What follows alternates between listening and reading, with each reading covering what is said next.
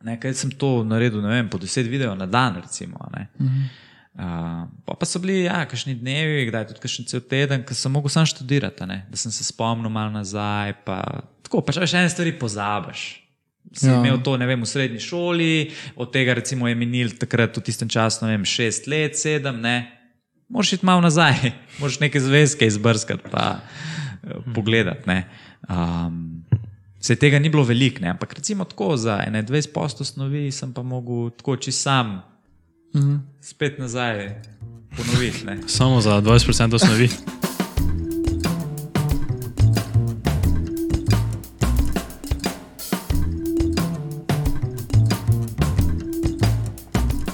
Drugače pa do vsem tako tu v tote kraje brez problema, te navigacija pripeljala. Ja, ja, ja, ja, v redu, v redu, nobenega problema.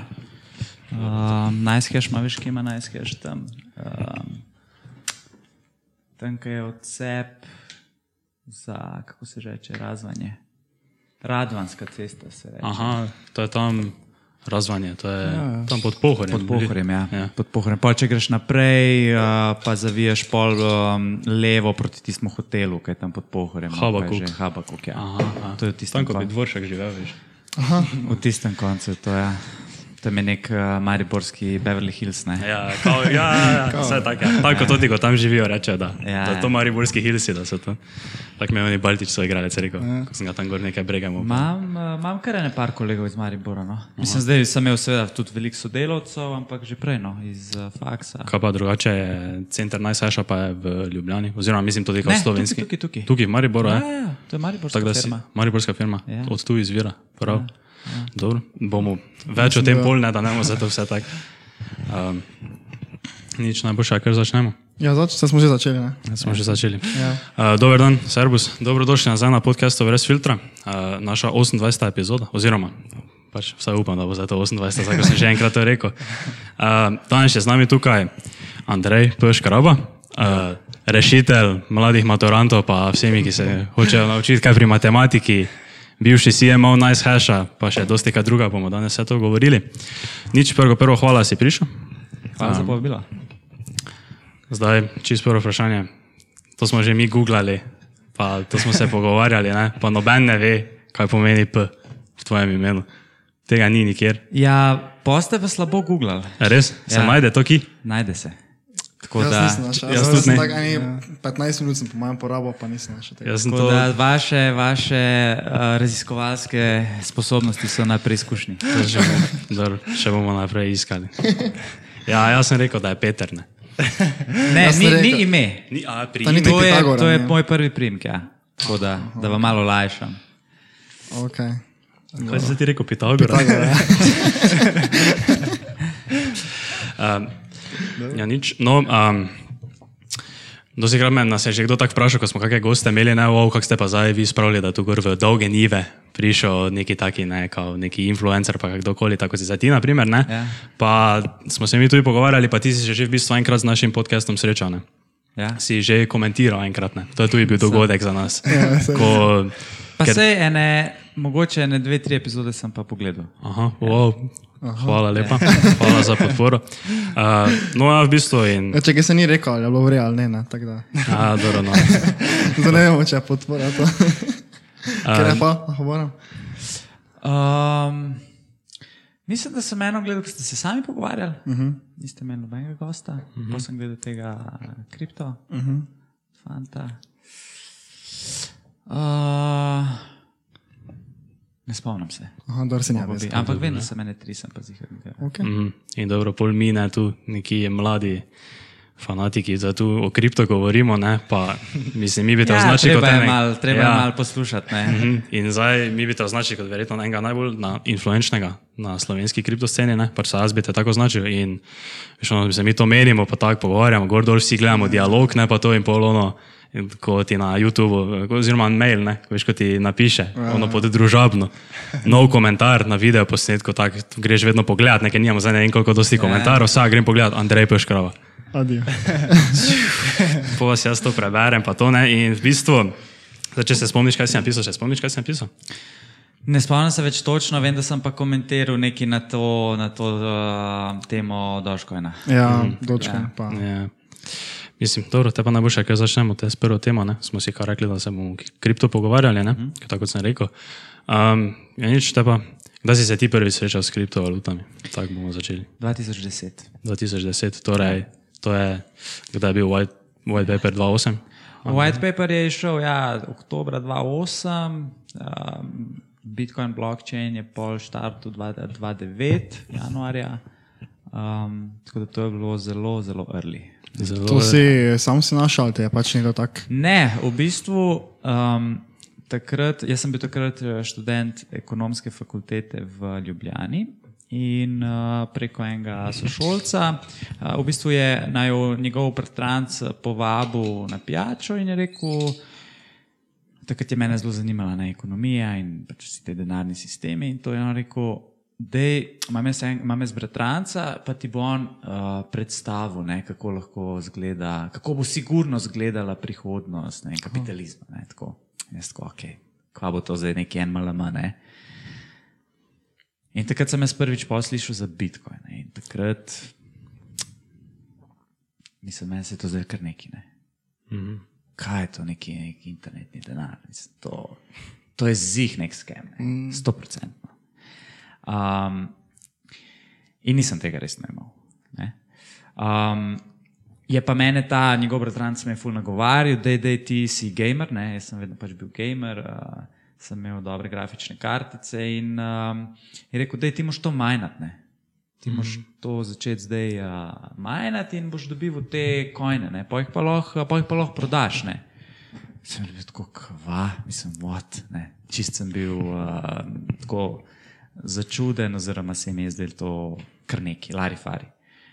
Um, potem pa mine kakšno leto, dve, se potem o Bitcoinu vedno več tako govori, vsaj v teh nekih tehnoloških ne, ja. krogih. Če si bil tako malo geek, pa si bil na kakšnih forumih, veš takrat recimo social media, to je bilo še bolj v, um, v začetkih. Ne smo se bolj še na forumih pogovarjali. In pa so bile te teme na forumih o Bitcoinu. Yeah. Ja. In si malo to bral in ja, kako to folk majna in gor dol.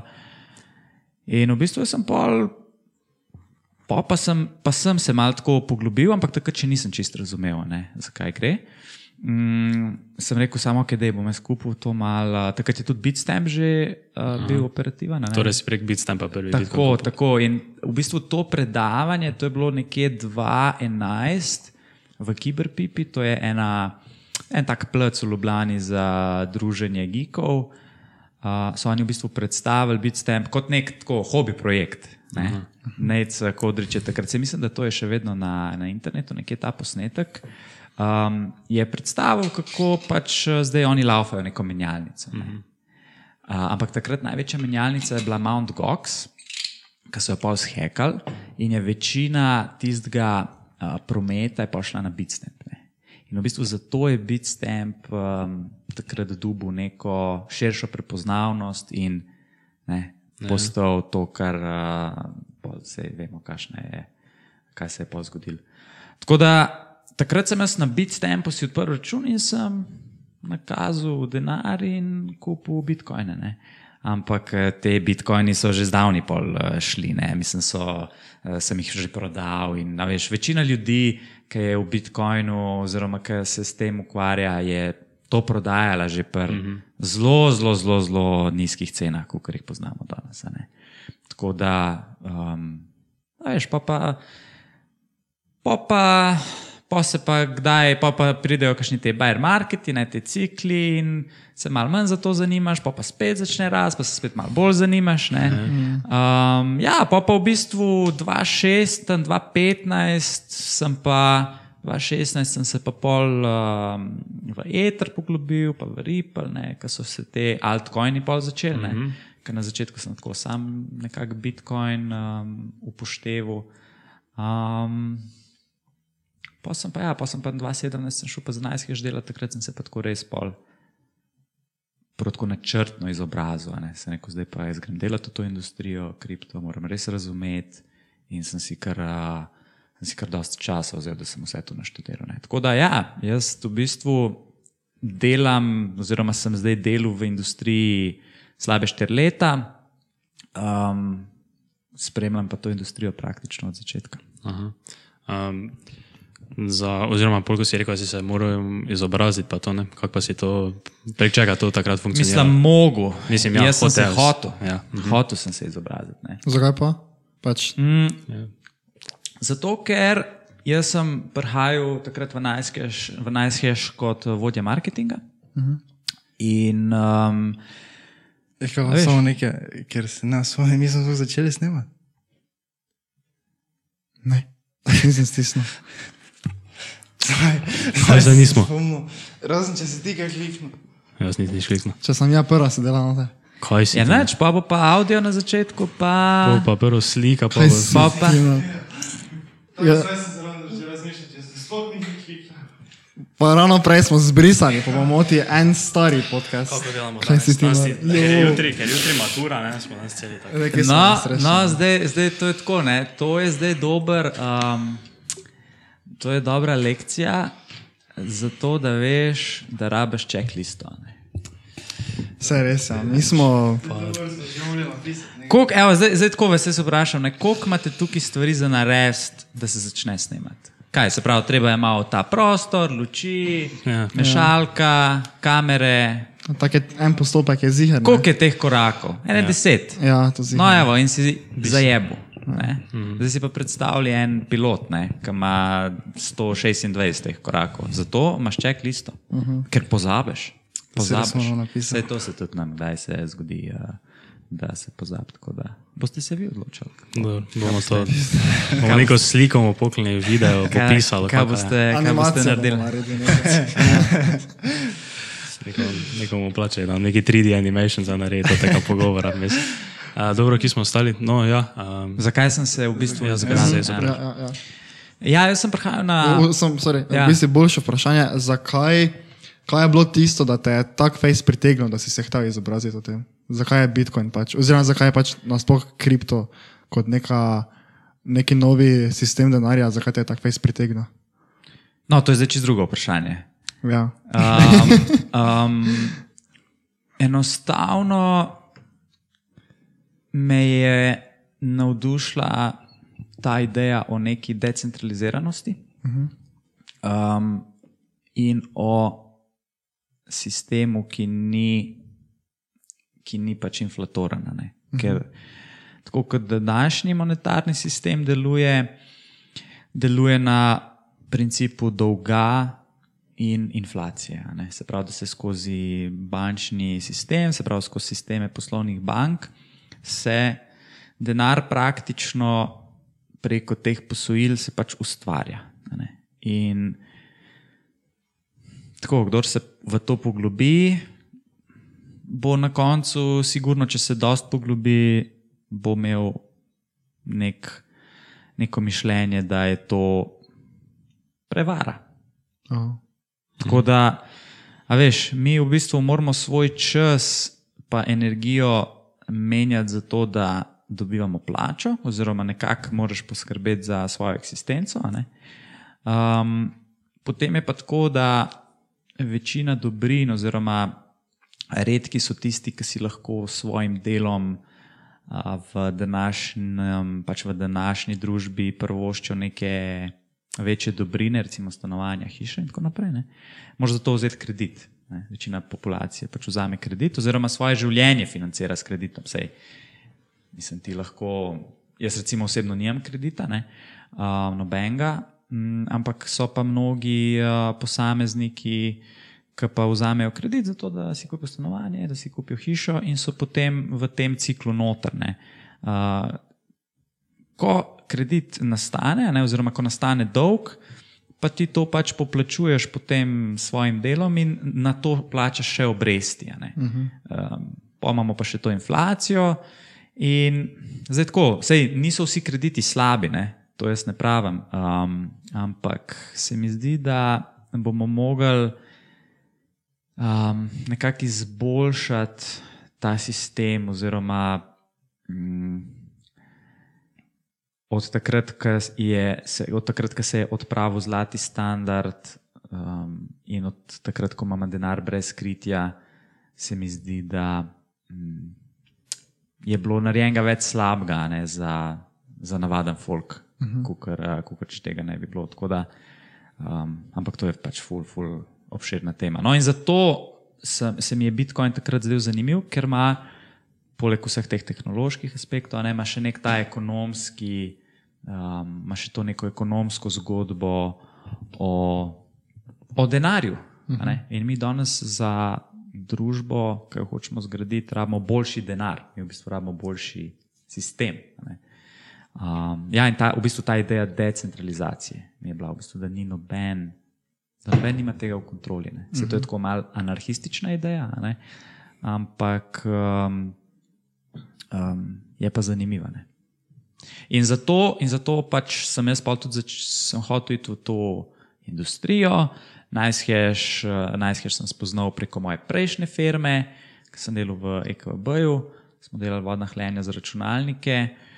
Mm, in sem se pa odločil za prestop, ne, oziroma da bom, da bom šel v Najshash. Uh, Najshash je pa, je pa mm, posrednik ne, za, za prodajo računske moči za rodarjenje. In um, ta, a veš, mining del industrije je pa najslabše razumljen, uh -huh. ponavadi, ne, ko, se, ko se o tem pogovarjamo. In čisto zaradi tega, jaz sem res hotel to štekati v nulo. Ne, se pravi, hotel sem totalno razumeti, kaj to je. Mm, ker sem šel v ta sektor industrije in se mi je to zdelo, da je pomembno. Štekano. Aha, uh, za NiceHash nice je um, znano, da je to kao ena izmed najbolj preprostih oblik, ne, da ti majnaš, ne, ker v resnici samo naložiš program, ne pa pač potem Tako. preko teh programov pač tvojo grafično moč grafičnih kartic. Ne. Ja. Kaj pa še boljše oblike majnanja? Kaj, še, kaj je bolj? Mislim, boljše. Mislim, boljše, bolj optimalne. Recimo. Ne, imaš različne načine. Vsak način je, se pravi, tako je. ne. Um, tukaj govorimo, najprej moramo vedeti, da rudarjenje je prisotno v blokčejnih oziroma v teh podatkovnih verigah, ki temeljijo na protokolu Proof of Work ne, oziroma na tem konsenzu. Uh, Proof of work slovensko je nek dokaz dela. Ne? Se pravi, dokaži, da si, poš, se pravi, dokaži, da si pošten s tem, da daš nek resurs, ne? da, da, da daš ali neko energijo, ali da daš uh, pač neki, ne? zdaj alternativa, recimo proof of stake. Ampak vedno ti moraš neki dati, ne? ali daš zdaj uh, svojo računsko moč, enega računalnika, ali daš svoja sredstva, pa jih nekam zakleneš, to je zdaj kaj je boljš, slabš, pustimo. Ne? Ampak rudarjenje načeloma je proof of work in um, uh, ti lahko te verige blokov podpiraš na različne načine. ne. Eno je, da postaviš svoj nov, oziroma vozlišče, se reče po slovensko, in um, probaš v bistvu se, se prepustiš temu, uh, temu protokolu in čakaš v bistvu, ne, oziroma tvoj ta node, to tvoje vozlišče zdaj potrjuje transakcije, oziroma jih preverja, hrani ta blockchain. In če si ti tisti, ne, ki najde rešitev za nov blok, potem dobiš nagrado v celoti, ki jo obljublja ta blockchain. a ne. In Bitcoin trenutno uh, za tistega, ki najde nons oziroma neko številko, ki potem potrdi ta nov blok, dobiš 6,25 a ne, Ja. uh, Bitcoina. Um, ampak to, da boš ti zdaj klepar klopil en računalnik, pa upal, da to dobiš, je ta možnost je izjemno majhna, praktično nemogoče je to narediti. Ne. Zato so se ljudje začeli združevati v pule, se reče, oziroma bazene. Prav to pomeni, da se poveže več ljudi ne, v pač eno vozlišče in potem ima to vozlišče, ker ima večjo računsko moč, ne, ima večjo možnost, da potrdi nek blok in da dobi to nagrado. In potem se ta nagrada pač proporcionalno razdeli. Tudi tukaj potem te puli ne, imajo različne te nagrajevalne sisteme, um, kako razdelijo to nagrado. Potem imaš pa In temu ponavadi rečemo neko direktno rudarjenje, oziroma nek, um, neko rudarjenje na pulu, se reče, ne? rudarjenje preko bazena. NiceHash je pa v bistvu je pa posrednik. Ne najskeš ti pa omogoča to, da ti rečeš, ker je posrednik, ne ima tržno obliko ponujanja storitve in to pomeni, da imaš neko ponudbo in neko popraševanje. Ne? In popraševanje so tisti ljudje, ki bi radi, ki vidijo neko špekulativno. Um, ki vidijo neko špekulativno priložnost, da z rudarjenjem zaslužijo nekaj. Ne? Ampak to so ljudje tako le z laptopom, ki nimajo teh računalnikov in jih morajo od nekje najeti. Mhm. In to pa dobijo na strani ponudbe na najshashu. Se pravi, na stran ponudbe se pa povežejo ljudje z računalniki. In mi smo jim, oziroma najshash jim je omogočil zelo enostavno povezavo, ne samo naložiš nek program, oziroma upišeš nek uh, stratum naslov, se reče, um, kjer, uh, in, to, in s tem v bistvu začneš ponujati to svojo računsko moč. In na drugi strani jo nekdo kupi. Uh -huh. ne? In nekdo, ta, ki jo kupi, jo nekam usmeri, ne, podpre nek blockchain, recimo Ethereum. Ne? In kako to poteka, ne? se pravi, ta kupec pride na najskež in z bitcoinom kupi to računsko moč. Ne? In potem te minerji, oziroma te a, prodajalci računske moči, um, dobijo plačilo v Bitcoinu. Ne? Tako da tukaj ne gre za to, da ti karkoli rudariš, ti ne veš, v bistvu, če si na najshešu rudar, ti ne veš, kaj rudariš. To se odloči kupec, ker mm. on v bistvu zakupi tvojo. Moč. To je tako, kot če bi ti imel nek kombi, pa ga nekomu oddaš, da lahko gre nekdo na dopust, ali pa ima zaselitve. Ja. To isto je klene. Se pravi, je neka ta ekonomija, delitvena ekonomija. Se, ta, se pravi, ti nek svoj resurs, daš, da ga nekdo drug uporabi. In najskej je v bistvu čist svoj, um, svoja niša v tem sektorju. Ne? In zato je tako uspešen, ker je pač prvi tako dobro uspel, a veš, in pri tržiščih, ne, oziroma pri teh marketplacih je vedno ta problem, um, chicken and egg problem, se reče. Ne? Težko je začeti, težko je zdaj enemu konkurentu um, prevzeti tržni ja. delež najskejša. Ker nima ponudbe, nima popraševanja, in ker nima popraševanja, nima ponudbe. Um, tako da to je, to je pač ta uspeh, ki je uspel na ICH-u in je v tej svoji niši še vedno uh, number one. Tudi zaradi tega, ker ima, um, ker ima pač svoj software za to, ne pač ta quick miner, um, ki je zelo enostaven. To lahko, če imaš nek uredu PC, si potegneš in praktično v dveh minutah že služiš. Ja. Ti, ti prakticiraš to, ali pač majnaš, uh -huh. ali ne?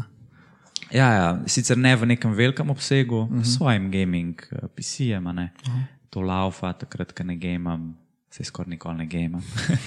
Ampak uh, ja, in se zdaj recimo v, v zadnjih teh mesecih se je ogromno zaslužil z miningom. Tudi če si imel čist nek, nek poprečen uh, PC. Zanimivo. Ja. Smisel, to več ni možno, ker se ta težavnostna stopnja povečuje. Leti, ja, ne? ampak veš, lih to ne, da na najshešu to ni, to ni nek faktor. Mhm. -huh. Zato, ker ti pač svojo moč daš ja. in to odločitev o, v bistvu to špekulacijo o profitabilnosti prepustiš kupcu. Mhm. -huh. In tisti kupec mora videti priložnost na nekem blockchainu. Ja. Ne? pa upoštevati to, kakšna je težavnost, kako hitro prihajajo novi bloki, kakšne so nagrade za novi blok. Ne. To je zelo taka, um, ja, zelo špekulativna zadeva in te kupci na najshešu so redki, ker mhm. lahko to delajo profitabilno, ampak so. Um, dobra stvar je tudi to, ne, da najsheš v bistvu ponuja um, bidding, kako se temu reče, se pravi. Dra, dražba. Ja, tako, dražba. dražba. Se pravi, dražbo za računsko moč. Kar pomeni, da v bistvu viša ceno. Uh -huh. uh, moraš ti višjo ceno plačati, da prevzameš minerje enemu drugemu, veš, in pa se oni skozi tepejo med sabo. Ja. Kar pomeni, da je miner zaradi tega na boljšem, ne, v profitu. Ja, čist konkreten primer je, kaj mi gledamo enega YouTubera, ko se pač tako ukvarja, tu neki naših let je eno leto starejši, um, take neke poslovne podvige, pa to uh -huh. pa si je zdaj naredil mining rig, uh -huh. koga je vložil. Koliko si je kupil? Mislim, na 35 tisoč uh -huh. evrov je vložil, pa je zdaj, ko je bilo najslabše, uh -huh. kot za to ti kripto crash, prejšnji teden, dva tedna nazaj je služil koliko, še vedno mislim, da več kot 100 evrov na dan, 100 dolarjev na Ja, dan. ja, ja. Ja. Tako da, Ja, to, ne, če greš ti tako v neko tako um, investicijo, um, tukaj je več teh faktorjev, ne, cena elektrike, ne. profitabilnost sa- samega rudarjenja, ne, pravi, kakšne so zdaj te nagrade. Um, Ampak cena elektrike ne, je tista. Pa seveda, koliko si dal za hardware, ne, koliko je bila ta investicija. Veš, kaj, če si ti grafične kartice kupil pred enim letom, ne, Ja. druga zgodba. Ja, so zdaj krat tri cene ne, Ja. in, je, in je to težko dobiti. Um, pa ja, pa je tudi važno, na kjer, uh, v bistvu, kjer blockchain boš podprl, oziroma če boš na najshashu. Um, tako da um, je tukaj veliko teh stvari, ki jih moraš v bistvu upoštevati. Mhm, dobro. Uh, prej si pa omenil, da si se s prvimi altcoini, pa si se srečal, pa so bili kao Ethereum, Ether, Ja, pa Ether pa Ripple. Ether pa Ripple ja. Um, še zdaj vedno držiš vse te kojne. Ne, ne. Um, jaz sem Ether, pa Ripple sem v bistvu prodal zdaj, uh, v, pač v, v tem, zdaj pred kratkim. Um, tako da teh, teh stvari nimam več. Um, sem pa, sem pa nekaj, nekaj malega vložil v Polkadot, Chainlink, uh -huh. Uniswap, um, kaj še, Filecoin. Tako, neki za hec. To je v bistvu špekulacija. Aha. ne. Špekulacija za naslednjih nekaj let. Ne. Um, to je 10%, ostalo pa sam Bitcoin. Mhm. Ja.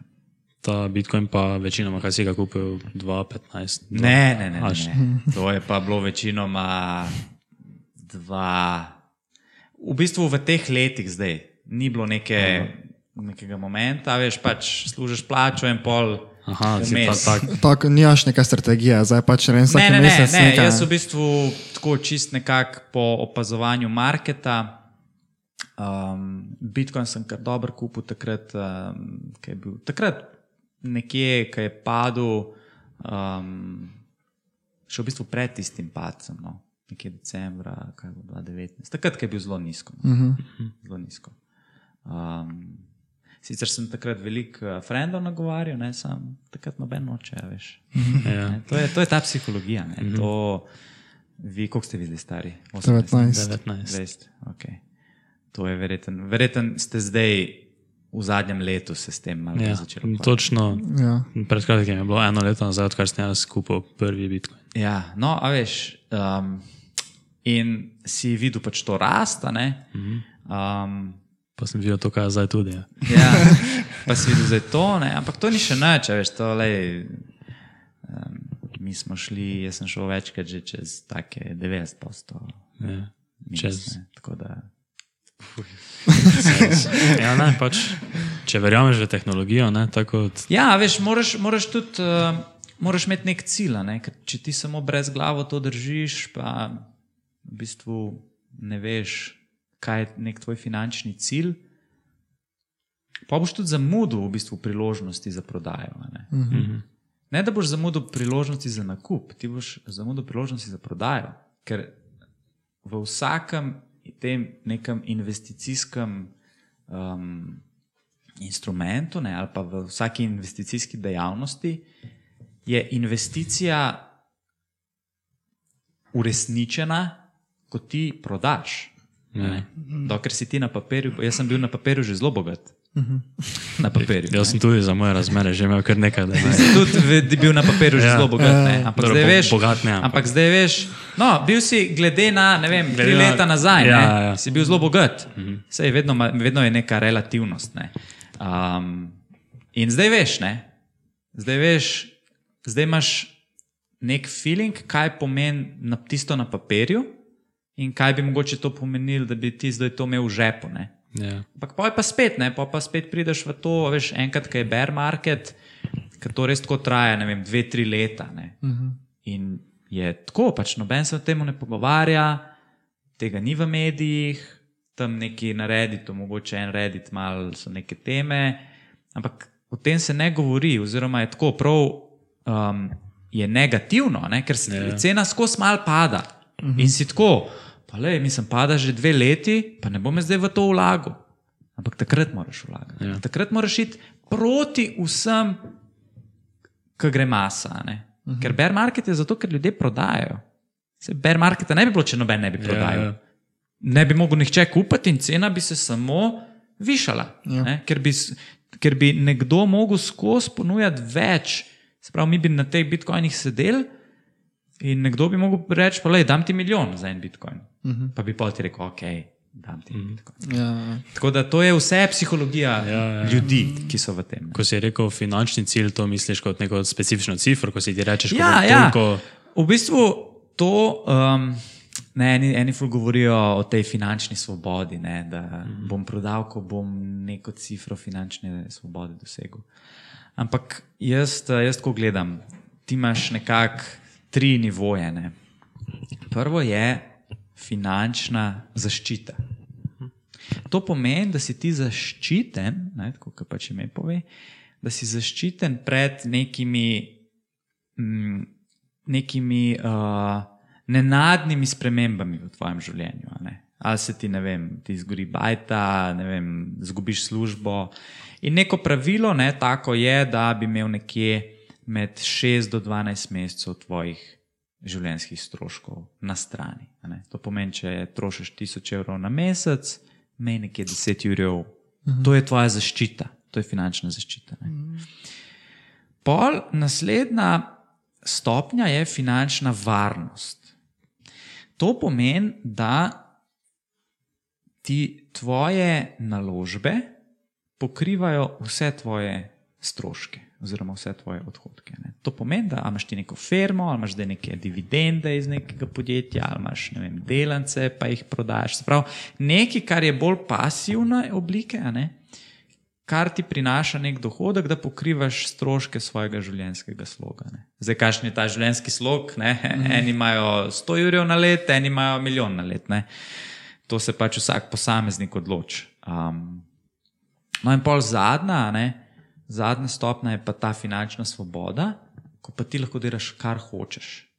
In veliko ljudi, ne, za katere mi mislimo, da so finančno svobodni, oni so v bistvu na tem drugem nivoju. ne. Imajo finančno varnost, ampak, a veš, imajo, imajo veliko kreditov, sicer imajo recimo visoke dohodke, ne, so recimo nekakšni doktori, pravniki, ne, imajo ful visoke dohodke, ampak vedno z višjimi dohodki ti tudi, tem se reče lifestyle inflation, ti v bistvu povečuješ svoje stroške, ja, veš, si kupiš boljši avto, kupiš, več zapravljaš ne, mm -hmm. in pa tudi dvigaš te stroške. In um, ja, večina ljudi pač ostane na tem nivoju um, neke finančne varnosti. Um, finančno svobodnih je pa zelo malo ljudi, ne? da res tako si zbudiš in grem danes z letalom v Singapur na kavo. Veš, to, pa je, re- to pa je res nek višji nivo. Ne? Torej, si že dal več teh ciklov skozi, ne? pač, uh, kako bi moče malo primerjal prejšnje cikle, kjer že, naprimer, naprimer jaz ne, nisem nič takrat v prejšnjih ciklih, nisem niti vedel, kaj to je. Ne? Pa, naprimer, da sem se zdaj prvič ključil, ko je bil zdaj ta 2020-2021 bullrun ne, in vse, kar se je letos dogajalo, tako, da so institucije kupovale vse to, kar se je pojavilo, glede tih shitcoinov, pa nekaj tega, kako bi to malo. Um, če gledam čistko iz nekega gibanja cene, pa nekega sentimenta, ki se ga da opazovati, tako ko bereš, kaj ljudje mm -hmm. pišejo, kako se začnejo stvari pojavljati v medijih, je praktično vse isto. pravi, vedno je na začetku, itak štartamo nekje na dnu, ne, mm -hmm. kjer noben noče tega kupovati, noben, vsi ti to odsvetujejo. Um, eh, se pravi, to je najslabša naložba, itak, lej, to je bilo full visok, pa se je sesul, to je brez veze, tega nič ne bo nikoli. Do tega, veš, da pol počasi, tako minevajo tedni, meseci in je cena nekje na nekem nivoju. Ne. Mogoče vmes še mal pade, pol mal za tako, taki neki, neki cikli manjši so. Ne. Pol pa recimo cena mal bolj poskoča, ne. recimo v enem dnevu za ne vem 30-40 posto. Ne.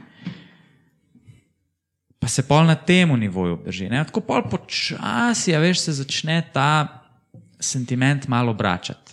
Se pravi, se začne neka bolj pozitivna, um, tako pročutiš, ne, kako v bistvu, če gledaš, um, če gledaš pogovore, ne, je tega vedno več, vedno več se začne o tem govoriti. ne.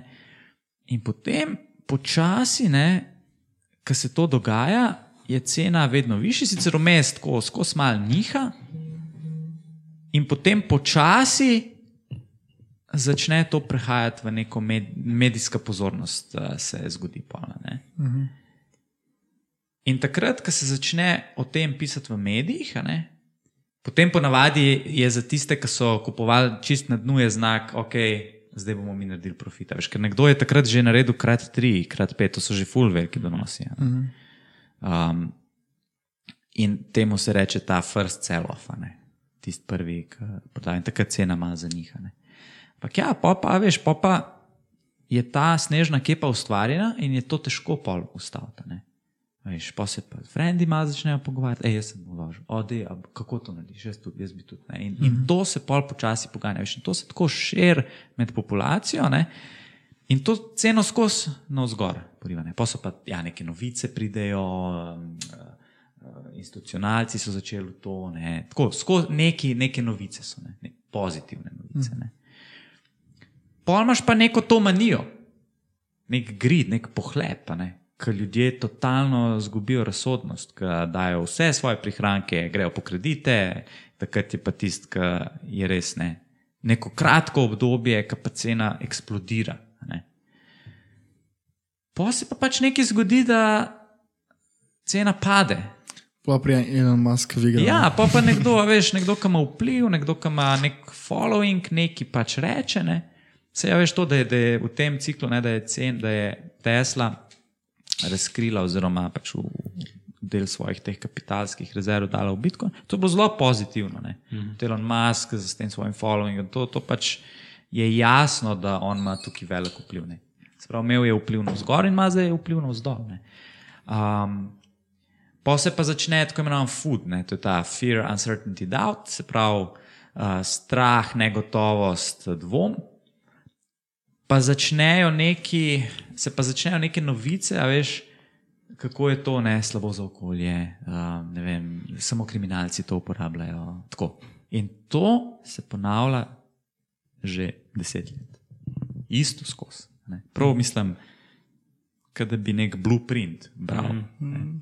Tako da iz tega stališča um, se da videti, velja to, a ne, da se zgodovina ponavlja, ampak nikoli se ne ponavlja čistko, kot je bilo prej. Ne. Vedno je nekaj, a veš, recimo v prejšnjem, ki je bil ta prejšnji Bulan 2017, je bilo ful vprašanje um, tega, te velikosti bloka. a Ne. A bi mi povečali blok na Bitcoinu ali ne? ne? In pa je bil tisti uh, split uh, Bitcoin, Bitcoin Cash. Um, zdaj je bilo, ja, zdaj so bile različne stvari, ta DeFi, um, te automated market makeri, um, pa nasploh pač uh, tudi to, ne, da je bila pač tista kriza, mislim zaradi COVID-a, tiskanje denarja, ne, se pravi, cash mora nekam iti, mm -hmm. gre v take tudi špekulativne naložbe. Um, in bomo videli, bomo videli, kako bo to šlo naprej. ne. Um, Ampak ja, tako kot si me vprašal za, za prejšnje cikle, zelo, zelo podobne stvari vidimo. Ne. Enkrat si že dal na Twitter, sem videl, uh, si se že malo opredelil, recimo, uh -huh. kaj bi rekel, da je fertik s tem bullrunom zaenkrat. To zdaj ne moreš vedeti. Uh -huh. ne? Veš to vedno, ko gledaš nazaj. Ja. Se pravi, tisti, ki zdaj reče, ja, se pravi, zdaj se je Buran končal, a pa tisti, ki reče, zdaj se je Buran začel. To so neki šalabajzeri, ki mislijo, da znajo napovedati neko prihodnost. Ne, ne, ne veš, to, bomo, en, če bomo, ko bomo decembra 2021 ali pa ne vem, decembra 2022, ko bomo gledali ne, sem, bomo videli, da tole obdobje lahko opredelimo kot bull market, to lahko opredelimo kot bear market. Zdaj pa ne veš. Jaz sem samo rekel, da pričakujem zdaj neko bolj beriš obdobje, uh -huh. um, ampak A veš, da bi jaz zdaj rekel, ja, um, vidim support na ne vem, 20 tisoč, to je kar nekaj. Najboljši so ne črte, veš, ko jih vsi narišajo. ja, ja, To veš, jaz mislil folk reče, ja, ej, cena ne bo šla več po 40 tisoč, tam je tak support, evo, pa. Kje je zdaj ta tvoj support? Ni support.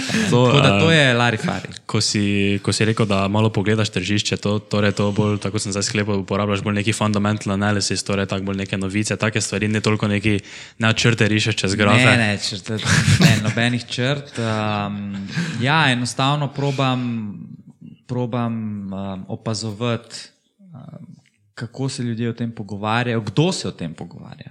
Veš, takrat, ko se začne o tem pogovarjati frizerka, pa taksist, ne, ker načeloma nikoli ne vlagajo nič, pa zdaj kar neki oberejo v Bitcoinu, pol veš, da je da, da je ta novica oziroma ta pohleb dosegel tudi ljudi, ki se drugače nič s tem ne ukvarjajo. Ne. Tako da potem nekako potem nekak no. probam določiti. Ne. Ja, ker zdaj, kaj je bilo v preteklih tednih, sem zdaj opazil to, kaj to ti govorijo. Ne, zdaj, zdaj smo v takem nekem obdobju, zdaj cena malo stagnira, ne, Ja, zdaj, ja. Zdaj pa bo še bolj padlo, ne, ker je rekel, Robert Kiyosaki je tudi tako rekel, zdaj pa bo padlo in polko bo prišlo tam neki do 27, ne 25, tam pa je support, tam je support, Ja, ja, ja, pol pa ja. bojo kiti začeli kupovati, Ja, evo, ja. te pa gremo do 300 tisoč, vsaj konec leta. Nekaj ni ena bolj taka specifična številka, ba? nekaj 200. 288. 288. Lej, sej, um, to je bilo isto v prejšnjem. Ne. V prejšnjem je bila cena, ne vem, 18 tisoč, se pravi, proti 20 je šlo. Ne. Pa je folk govoril, ah, to je začetek. To, je, to, je, to, je, to smo na začetku. Sej, če zdaj pogledaš 4 leta, je tisto bil ne, bolj neka prva faza. Veš, vedno je ta časovna komponenta. Ti moraš to gledati. Če gledaš 24 ur je lahko en dan, veš, dol, en, en dan gor, uh -huh. pa lahko pogledaš teden, mesec. To je tako, pač, kar gledaš časovno.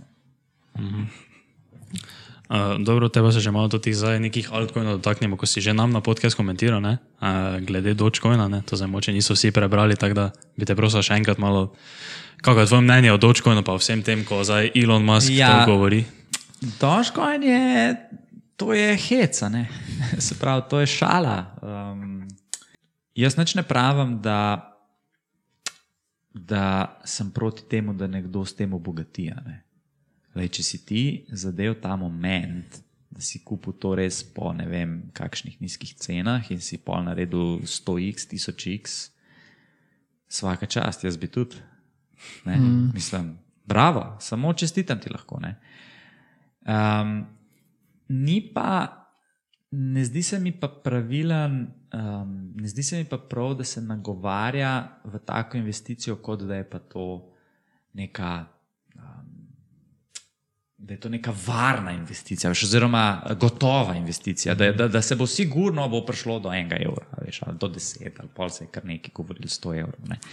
Tako da um, to v bistvu me zmota, ne, ko um, se poljaviš, vedno, ko je tak uh, nek pozitiven trend, ne nek bikovski trend, se ja, najdejo se guruji, vem, finančni svetovalci, investitorji, ne vem kaj.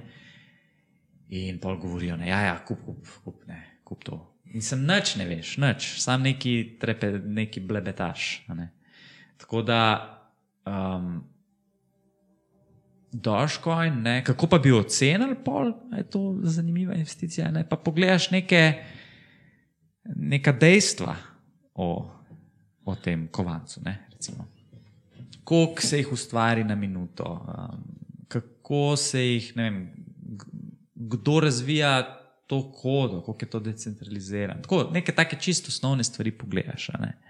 In Dogecoin, eh, če pač, eh, če se direktno o tem pogovarjamo, veš, to jih nastane 10 tisoč vsako minuto. ne. Kako boš ti tak, mislim, velik novega kapitala mora skozi prehajati noter, ne, da se kupuje to in da se neka cena vzdržuje. Ne. In na dolgi rok ne vidim možnosti, da to ostane na, nekem, na neki ceni, kaj zdaj. Ne. Cena se pa dviga, zato ker ja, veš, so, je to investiranje oziroma možnost kupovanja takih kojnov je enostavna danes. Ne? Da ti na Revolutu ali pa ne na Robin Hoodu tam to lahko kupiš. ne. Veš, to, recimo, to je ful drugače v tem Buranu. ne. Takrat, pred uh, štirimi leti, si pač mogel cash nakazati na borzo, tako, ni bilo tako trivialno to narediti. Um, a veš, danes imaš ti to app, tako, to je Ja. yeah. zelo simpel.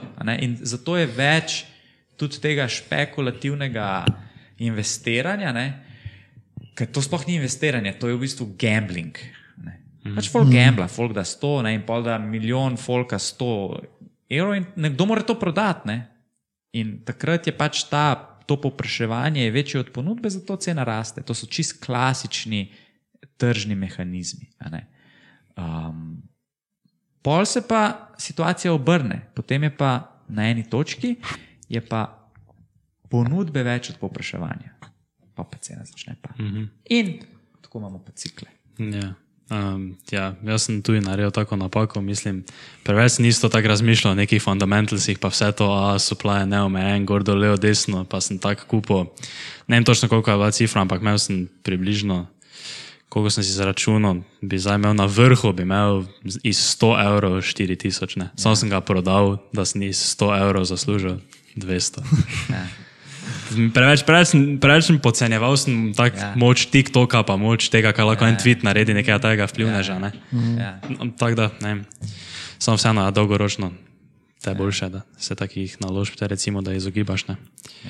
Uh, zakaj pa glih, uh, ko si premenil recimo Chainlink, pa uh, Polkadot, Polkadot. si rekel, ne? Tako na kratko, samo kaj je recimo. Lej, tako dva v bistvu, um, dva, dva pogleda imam. Sigurno je en del je čist špekulativni, uh -huh. se pravi, nekako opazujem, kje so te projekti, um, koliko so razviti, kaj zdaj ponujajo. Um, in se mi zdi, da um, bojo imeli še dosti več za pokazati v prihodnih letih. In na podlagi tega mislim, da je cena lahko še dosti višja. ne. Um, zato, ker bo enkrat sigurno povečano povpraševanje, ne, če bojo dosegli neke razvojne cilje, ki so si jih zadali. Drugo je pa dejansko, da sem pogledal, kaj delajo. a ne. In, ampak da ne bom zdaj tukaj na dolgo in široko, lahko to vsak sam naredi. a ne. Pač pogleda, kaj ta, kaj vsak projekt. Veš, tukaj se v bistvu vsak projekt se mal prodaja. Ne? Tako se, se hoče prodati kot idejo, ne? mi pa ne vem, delamo na tem. Ne? In hočemo doseči to, in potem bo ta naš token uporabljen za to, in zato mislimo, da bo cena taka in taka. Ne? Tako da tako se odločam. No. Uh -huh. Mal po čist nekam gledam, kaj bi mogoče v prihodnosti bilo zanimivo, ne? uh, kje je cena zdaj, kakšen mislim potencial. Pa, pa čiste, pa, pa ja, čist neke osnovne stvari, kot si rekel, koliko je teh kovancov. Uh -huh. Je zdaj, veš, pri teh nekih uh, šiba, pa ne, to so neki taki 100 trilijonov, pa ne vem kaj. To ne bo nikoli en ja. evro, a veš. Ne? Danes sem ja, ravno gledal to Lex Friedman, ko je imel Vitalika. Ne? Ja, ja, jaz Na- sem ene pol poslušal, nisem še od sebe. Ja. Druga epizoda sem gledal. Ja, Ja, ja. Pa je bilo to, to, to zgodba, ne se veste, neko je ši- šiba, ne, to ti šiba inu, ne so naredili kao noko v Dogecoin, ne, Ja. in so njemu poslali, koliko mislim, da polovico, ali ne, ali koliko, Pol, ja. pol so mu poslali, pol celega celotnega soplava so njemu poslali, ne. In pa so neka, to je celo neka finta bila, da so mu poslali na neki cold wallet, ne, ko on niti ni imel direktno takoj dostopa do njega, ne, tako da ni mogel več v sekundi nekaj narediti, ne, da so imeli oni čas, da so to pol v medije spravili, veš, ono, aha, Vitalik drži šiba Ja, ja, coin, ja, ja. gor dol, te pa je on finto naredil, pa 20% doniral tisto Indija Ja. za COVID, ne? ono 80% pa skuro. En dan na treningu pa se spomnim, par kolegov, stari krajc, da gledaj, ti ne, ne vem, to ti je Bitcoin, Ethereum, to ni nič šiba inu, gledaj, to sem kupil, to zdaj ne, to gre zdaj do dolara, pa je bilo veš, nič cela, nič, nič, nič, nič ne vem koliko. Ne. Po naslednji dan on Vitalik prodal za, vredno za 6 milijardov, jih je skuro, ali kak je pač mislim, kao brnil naredil. Tako da to, to ti shitcoini, pa to pa kaj se je vse pojavljalo, ti. Ja, to je pač, veš, zdaj je na to naval, je nek, neka pozornost tukaj in mm. potem imaš veliko ljudi, ki hoče to izkoristiti. Ne, sej. to je odprt market, Res. zdaj treba biti pazljiv pri teh stvarih. To, ko jih je zdaj sto naredilo, to, da so samo prekopirali od SafeMoona kode, pa ja, Ja, to, to ja, isto ja. finto naredili, samo par influencerov poklicali. Pump and dump. Ja. Ja, Ja, ja, ej, so Servus, to. scene. Uh-huh. Oni imeli ne vem, kakšni 60% celega supply, kak je doseglo samo tak gor dol. Pa, pa vidiš, sad, mislim, da tega je res zdaj ogromno, pa celo zdaj v tem krašu še vedno vidiš dosti, dosti tega Elon sperm, these nuts coin. Pa Ja, take, ja, ja. As. As, taka fora, ja, pa tits coin, kao za breast cancer. Pa veš, koliko je bilo teh kojnov, pa že prej. Tudi, Je prej to tudi bilo v prejšnjih ja, ciklih? Ja, kaj, kaj, kaj. jih sploh zdaj ni več, nikjer, listanih, sploh jih ni. Ja, saj tega Ja, tudi. Kojno je bilo. Dobro, Tega tudi ne bo. Neki safe moon se je po mojem bo obdržal, samo dosti kaj druga, pa po mojem ne. ne. Ja, bomo videli. No, bomo videli. Daj vprašati za ono tvoje vprašanje, kaj si hotel vprašati. A smo že tam? Ne. Dobro. Uh, recimo, če gledamo na Bitcoin kot neko tehnologijo, kaj bi recimo Bitcoin prinesel nekomu, sploh če gledamo na neki delovski razred, ne? recimo čez uh, deset let, ne? ko bo to, ali pa recimo, da sem mogoče malo prehitro rekel, recimo, da če Bitcoin zelo uveljavi, ne? pa to postane neki uh, novi sistem oziroma novi denar, ne? kaj bi recimo Bitcoin potem prinesel nekemu delovskemu razredu. Ker recimo tisti, ki nimajo Bitcoina, ne? če cena zraste, mu nič ne koristi. Ne? Ja. Uh, pa pač tako sklepam, da tudi delovski razred ne investira toliko kot pa nekdo, ki pa ima neki večji ka- kapital. Ne? Ja. In uh, z tega pogleda me zanima, no, kaj to nekemu delovskemu razredu prinese sploh. Ja, prinese mu ohranjanje premoženja uh -huh. z potencialnim plemenitenjem premoženja. Ne. Veš, delovski razred je velikrat tarča nekih bančnih varčevanj, zavarovalnih paketov, kjer se nekaj vrčuje. Ne. To pomeni, da daješ vem, 30-40 evrov na mesec v nek sklad, v neko zavarovanje. Recimo, ne. In pa imajo ta zavarovanja ali pa neki, neki ta vrčevanja na bankah, imajo neke roke, a ne. ne 5, 10, 15 let. a Ne.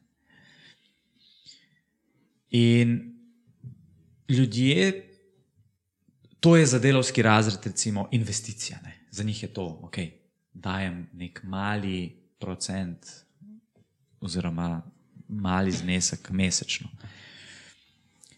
Ampak velikrat so te naložbe, ne, a veš, dobiš tak pok, pogodbe zraven, ne, uh -huh. s pogoji. Ne. ne smeš to, ne smeš uno, pa pol bojo te provizije, pa une provizije, pa ki si boš izplačal, bo tako. Da na koncu, veš, je večina tega na, na tega, da pač ne ne dobiš tistega, kar si mislil, oziroma ti inflacija dejansko poje. Uh -huh. Se pravi, nekih 50 evrov danes, pa 50 evrov čez 15 let, je lahko to pomen. Ne? Oziroma, neka kupna moč, kaj ti kupiš na trgu, zaradi tega višanja cen, pa zaradi inflacije, ne, je zmanjšana.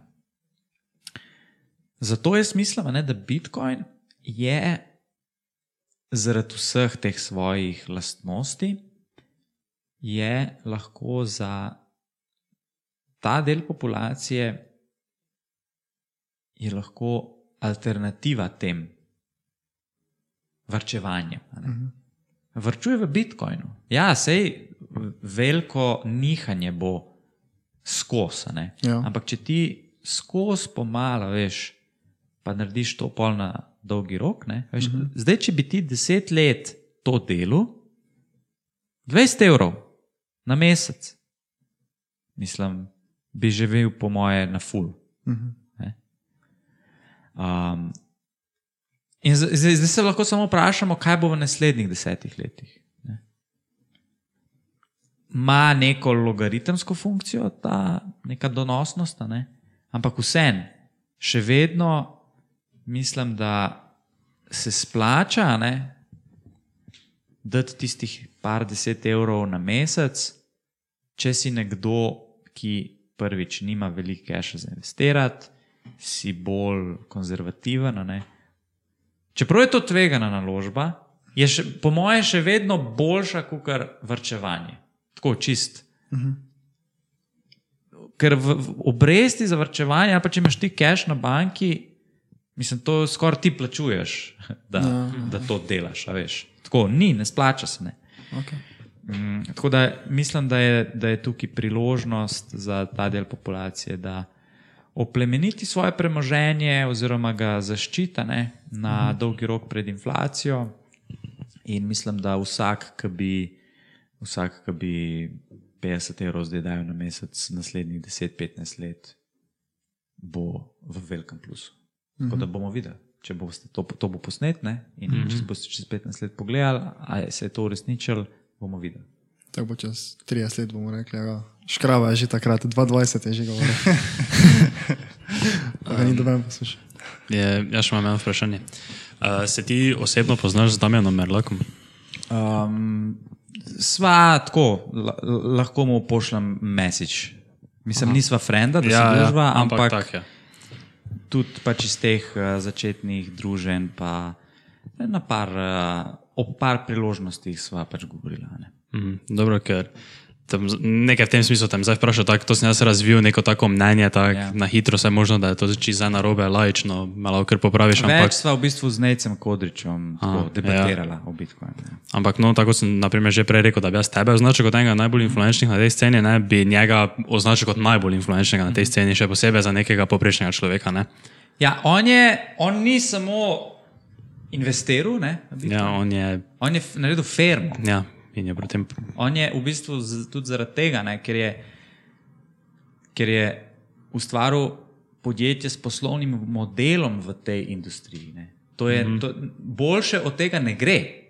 Ne. To je zmaga, zato je on, ja, sigurno številka ena. ja. Zaradi tega. Ne. Ampak zdaj ne, on prodal firmo, zaslužil ogromno denarja z Bitcoina, ne? zdaj pa bi lahko rekli, mogoče ne bi glih rekel negativno, ne? ampak Nena pa se mi zdi, da dela proti temu, da bi v Sloveniji bil, prišlo do nekega, naprimer, mass adoptiona. Ne? Ker, naprimer, če zdaj pogledam moje starše, ne? oni ne vejo nič, naprimer, o Bitcoinu, gor dol in uh, pač samo živijo svoje življenje, t, t, nič se ne poglabljajo v to, ne zdaj raziskujejo mm. o tehnologiji, nič. Po pa Damien Merlak, ne, vsi vejo, aha, on je zaslužil za Bitcoina. In on je takrat šel na neki podcast in je govoril o vseh teh altcoinih, Bitcoinu, NFT-ju. Mm -hmm. In zdaj ne vem točno, oziroma ja, dobro, jaz vem, ker sem pogledal tisti podcast, ampak kaj so pa mediji vzeli za tega, pa je bilo, da on bolj kot ne misli, da je to mehurček, da bo to padlo, da on več ne investira v Bitcoin, uh, da je NFT, da to nič ni, da to, da to je pa to je samo megla. Ne? Torej, in je potem, naprimer, ne vem, ja, men, meni mama pride ne, in me mama reče, ja, s tem, kaj ti misliš, gledaj, da me Merlak je rekel, to ni nič, to ni nič. Tako Da, in, no, in za naprimer bi jaz rekel, da pri, bi pričakoval od njega, ne, kot enega izmed najbolj vplivnih ljudi, ne, da bi pripomogel, pripomogel k temu mass adoptionu, ne, ampak ne. Kako, mislim, kako bi zdaj ti Ja. mi na to zdaj? Tudi on ima svojo agendo. Mm -hmm.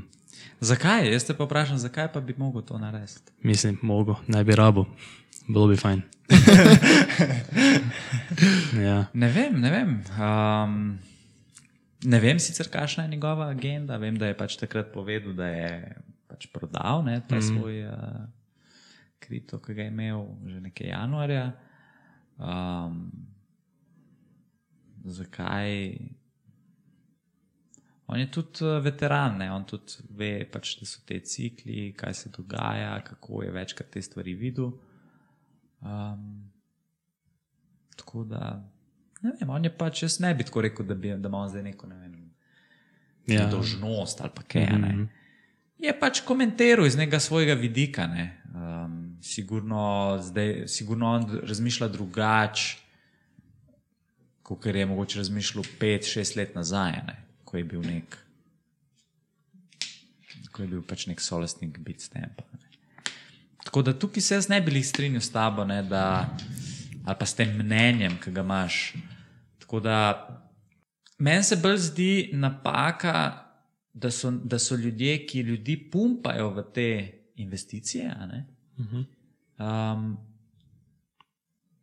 se pravi, tisti, ki povzročajo neke te pump and dump scheme, ne? ali pa neki skemeri dejansko, ki pač rečejo, da, bo, da so zgradili nek, neko investicijsko ne vem, sistem, ne, nek investicijski, pa v bistvu sam pokradejo cache. Ne. Tega je tudi veliko. Mhm. Tako da To je večji problem. Sigurno. Mhm, mhm, dobro. Um, ja, nič. Še ima kdo kaj druga tako vpraša specifično za kripto? Ne, ne. Mislim, ne. Tako smo si razdelili, da boš malo vedel. Eh, Podcast, no, Ja, kripto, pol pa še ja, druge ja. stvari. Ne? No, ja, smo zdaj mislili malo za te najsajšo vprašati. Uh -huh. uh, si omenil, da si tam začel delati leta 2017. Ja. Kdaj je bil najsajš ustanovljen? Um, mislim, sama storitev na začetku se pač ni še imenovala NiceHash. Um, Matjaš Škorjanc je to ustanovil, oziroma je nekako uh, sprogramiral to. Ne? On je to na začetku ponudil kot storitev LIS RIX, sprav, da si lahko najel RIG, ne? naje, ti si dejansko to lahko najel. Vse ta ideja pač, uh, je v bistvu podobna, kot je zdaj najskež. Mm, no, in veš, počasi pol um, je ta storitev delovala, um, potem je pa on dejansko to tržišče naredil, da, da, da, da je to v bistvu se brez avtomatiziralo. ne. Um, v, v fantastični pač, uh, obliki. ne. Um, in to je bilo tako, da je najskaj začel dobivati traction, ne, to pomeni, da je začel z neko rastjo uporabnikov. Mislim, da je bilo nekje druga polovica 2016, ne. Bilo 2017, sprav, 2016, zdaj ne vem čisto točno, kdaj je bil ustanovljen kot NiceHash, ampak sigurno 2016 je že pač imel nek traction, ne. Mejhan sicer, mm -hmm. ampak pa se je pa, pa se je pa ta raz začela, ne. In pol 2017 je pa v bistvu eksplodirala. In ti si se pridružil takoj kot vodja marketinga? Ja, takrat so oni potem začeli pač rasti, ne, in valjda s rastjo podjetja pridejo potrebe po, po kadru. In ja, takrat, je, takrat so iskali uh, nekoga, da marketing prevzame, ker dejansko ni noben tako sistematično, pa strateško Aha. se tega loto, ne, se pač rabijo eno tako osebo. Kako stopnjo marketinške izobrazbe pa imaš ti? Kaj? Mislim, marketinški sem po izobrazbi sem uh, uh, ekonomist, ne? sem na ekonomski fakulteti študiral, pa nisem trženje študiral, trženje je slovenska beseda mm -hmm. ne, za marketing. Um, sem v bistvu vse te izkušnje pridobil v praksi. Ne? Prej Aha. sem bil vodja marketinga pri EKVB-ju, to je tudi ena zelo uspešna slovenska firma. Mm -hmm. A, To je za računalniške dele. Ja, za vodno hlajenje. To je, to je tudi slovenska. Ja, Odijo, to si nisem mislil. Dobro, se sašamo potem malo tega hotel? Torej, tri leta, eh, samo ali si še pol šel naprej delati magisterij ali pa kaj takega? Ne, ne, Ne, samo to je, tisto. to je v, v ekonomskih, po mojih vedah, če mislim, ne vem, kakšno kariero bi mogel zasledovati, da bi se mi splačali na magisterij. Aha, Nisem videl dodane vrednosti v tem. ja. Dobro, mama, Če- če, če če nek- gledaš. Če neke, veš, če, če, mislim, če hočeš poglobiti ne, neke teoretične osnove, ampak biznis je, biznis se dela izven učilnice. Ja. Je praksa. Ja, tako da, odvisno, kakšne so tvoje ambicije. Nek, veš, če hočeš biti ti nek um, revizor ali pa ne vem, računovodja v nekih takih finančnih, um, klasičnih finančnih, v klasični finančni industriji, rečemo, ne, pol je verjetno dobro, da imaš magisterij. A veš, sam na, na ekonomski fakulteti so smeri, kot so ne vem, podjetništvo. Ne. Mislim, kaj, kaj boš, magistr podjetništva? Kaj to, kaj to sploh pomeni? to smo se, to smo se mi Veš, tudi Kaj to sploh pomeni? Ja, ja. Ne?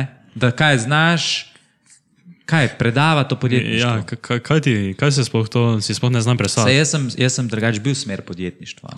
Zato ni bilo smisla, da jaz. Jaz sem hotel pač delati v biznisu. ne. Ni, takrat nisem vedel točno kaj. a ne. Vedno sem si želel svojo firmo, ampak veš, če ti nimaš neke izoblikovane ideje ali pa nek, da, da, da, da delaš v neki smeri. Zato sem pač šel v podjetja delati, a ne, da sem pridobil izkušnje biti v podjetju, ki raste. In, in tako, to, to je tisto, kjer ti dobiš izkušnje in potem lahko prideš na neke pozicije. Ne? To pa, da boš ti ne vem, kakšno izobrazbo dosegel in pol pričakoval pozicijo, Ja. sem jaz v, v, v svojem življenju, oziroma v svoji karieri, sem imel zelo veliko ljudi na razgovoru za mojo ekipo, ki so bili bolj izobraženi kot jaz. Se pravi, magistri, ne, ne vem, vsega Boga. Tako da moraš res vedeti, kaj je tista dodana vrednost magisterija. ne. V končni fazi tudi študija. ne. Se pravi, ali, ali bo to zdaj znanje, ki ga ti pridobiš, ne, a, je pomembno za to, kar hočeš delati. To pa vsak sam pri sebi ve. ne. Za nekdo, ki hoče biti doktor, ja, to se ne boš na YouTubu naučil. Ne. Mm -hmm.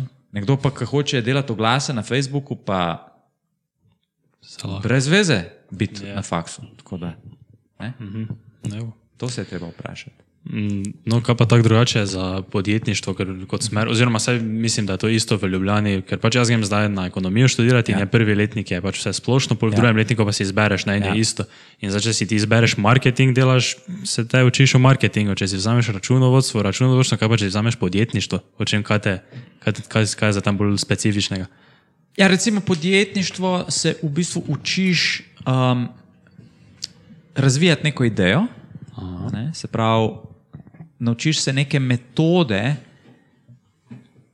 Um, mislim, to, to je tako. Meni je bila ta smer, bi bila zelo uporabna. Veš, naučiš se recimo delati neke tržne raziskave, ugotavljati nek tržni potencial. Um, ne, mi smo imeli takrat recimo design thinking, ne, to je neka metodologija, kako uh, pač razvijati neko storitev, produkt. Um, a veš, je pa v tem klasičnem sistemu izobraževanja, je pa pri podjetništvu pa nek poslovni načrt, recimo je neka tista končna faza. Se pravi, ti za neko poslovno idejo moraš napisati poslovni načrt. Ne? Potem moraš vse te koncepte, se pravi, vem, profitabilnost, eh, kakšni, ka- kakšen je potencial na trgu, eh, neke računovodske, neke računovodske, um, uh, neko računovodsko sliko tega navideznega podjetja moš ustvariti. Um, tako da ja, učiš se v bistvu um, tako. To, to se mi je zdela tako še najbolj praktična stvar. Me, jaz sem imel tudi srečo, da sem imel zelo dobre profesorje oziroma mentorje na tem programu, ki so imeli svoje firme. In oni, so, in oni so nam veliko prenesli. In pa smo imeli, recimo, smo pa imeli neke eh, tudi predavatelje, ki pa niso imeli svojih firm, jih jaz sem jih vedno pozabavil na predavanjih in sem vprašal, koliko firm ste vi postavili, da zdaj To predavate. To je bilo na informativnih, eh, isto. Mm. Zdaj smo imeli to te informativne prek pač Zuma ne? Ja, ja. in je nekdo pol vprašal na koncu. eh, Ravnatelj, ravnateljica je predavala ne? in je nekdo pol vprašal. Uh, gospod ravnateljica, lahko vprašam, če pač kateri uh, profesori na tej šoli v resnici imajo kakšne izkušnje ja, z uh, življenjskim pač ustvarjanjem podjetij, kakim marketingom, ponača. Ja, v bistvu. Um, Uh, pa se je neki smog v grlo naredil, Ja, ja, ja, pa si je nekaj si je zbluzla, ampak ne vem, koliko sem jaz razumel. te- Ja. da To sem imel, to sem imel veliko srečo. Ne? Imel sem srečo, da sem imel dejansko prave podjetnike za svoje mentorje in to je bila največja dodana vrednost. a Ne? Mhm. Tako da, če greš smer podjetništvo, ti, to ti ne more predavati nekdo, ki je samo bral o tem. Pač ne more. a Ne? Mhm. Tako, ka, mislim, vse to je v vsaki stvari. je Tako, a ne? Um, tako da se je dobro pozanimati, a ne, kdo so ti ljudje, ker pol boš se sam učiti, boš da narediš svojo firmo, pa, uh -huh. pa se učiš. Ne? Tako da to vedno probam podariti. Uh, ki pa si delo, pred najshajšem si rekel, da si bil pri tej firmi za Ja. računalniška hlajenja. EKLB, ja. Kaj pa pred? Prej sem pa v bistvu um, upravljal razna študentska dela, tako čist priložnostna, m, ki niso bila nič kaj dosti povezana zdaj s to kariero. ne. Uh, sem pa zelo kratek čas na začetku delal v eni, v bistvu, lead generation agenciji, bom rekel, spletna agencija, da jim tako reči. ne. Tako zelo kratek čas, dva meseca. Aha. Ne. Um, pa sem videl, da to, mislim, ni, ni, ni, ni bilo to za mene. Ne. Uh -huh. Da bi v nekem takem agencijskem modelu delal. Mi je boljš biti v neki firmi, kjer se bolj fokusiraš lahko na neki, ne. Ja, ja. nek produkt ali pa storitev. To si zdaj, vi ste bil že pri dveh takih kar zelo uspešnih podjetjih, ne? ker recimo to je za, kako se reče, EK, dvojni V. ne? EKVB, ja. Ja, aha. No, dvojni V, ampak EKVB. Ja, ja, ja, oni, jaz sem njih zasledil že marsikaj po YouTubu, ker full gledam to, Ja, ja, ja. stack tips, pa to. Ja, ne. ja, ja. ja. Uh, tako da, kako pa je ekipa, recimo ta skrivnost, da si vse posod na takih nekih visokih položajih bil? Meni pač čisto tako Ja, pač prišel, je pa- sigurno neka sreča, veš. Uh -huh. To mislim, zdaj, da bom jaz rekel, da sem pa ne vem, kaj za to naredil. Ne. Ja. To, da sem prišel v EKVB, je bilo čisto na ključje. Um, bil sem takrat brezposoben, uh -huh. ker so me odpustili pač v tisti agenciji. In neč, sem pač bil cel dan na računalniku. Ne, valjda. In pa sem v bistvu na LinkedIn-u najdel, oziroma sem zasledil nek članek o marketingu. Ne, je govoril, ta članek je govoril o tem, kako je marketing v Sloveniji full zanač, ne, oziroma na zelo nizkem nivoju. No in pod ta članek je komentiral takratni direktor EKB-ja. ne. In v bistvu sem njega in napisal je, da, tako, da se strinja z napisanim ne, člankom in da če kdo pozna kakšnega mladega človeka, ki bi štekel to high-tech industrijo računalniško, ne, da oni pač iščejo.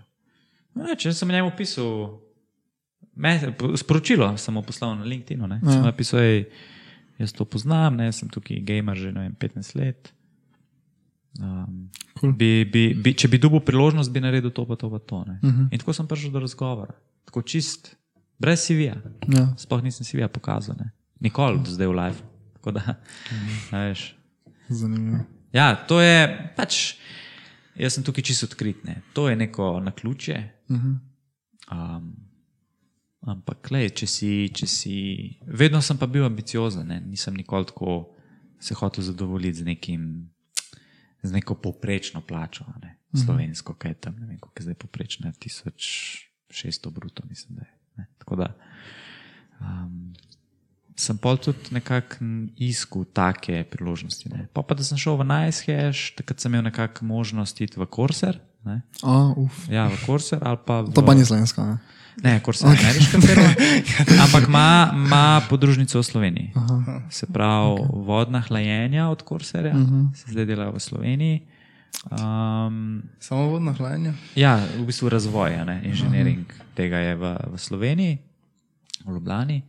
Um, takrat sem jaz imel možnost, da grem tja ali pa na Najskeš, pa sem se odločil za Najskeš. Mhm. To je ti tako bilo verjetno tista, to za, ko si pedelo pri računalniških delah, neka dobra referenca za naprej. Ne?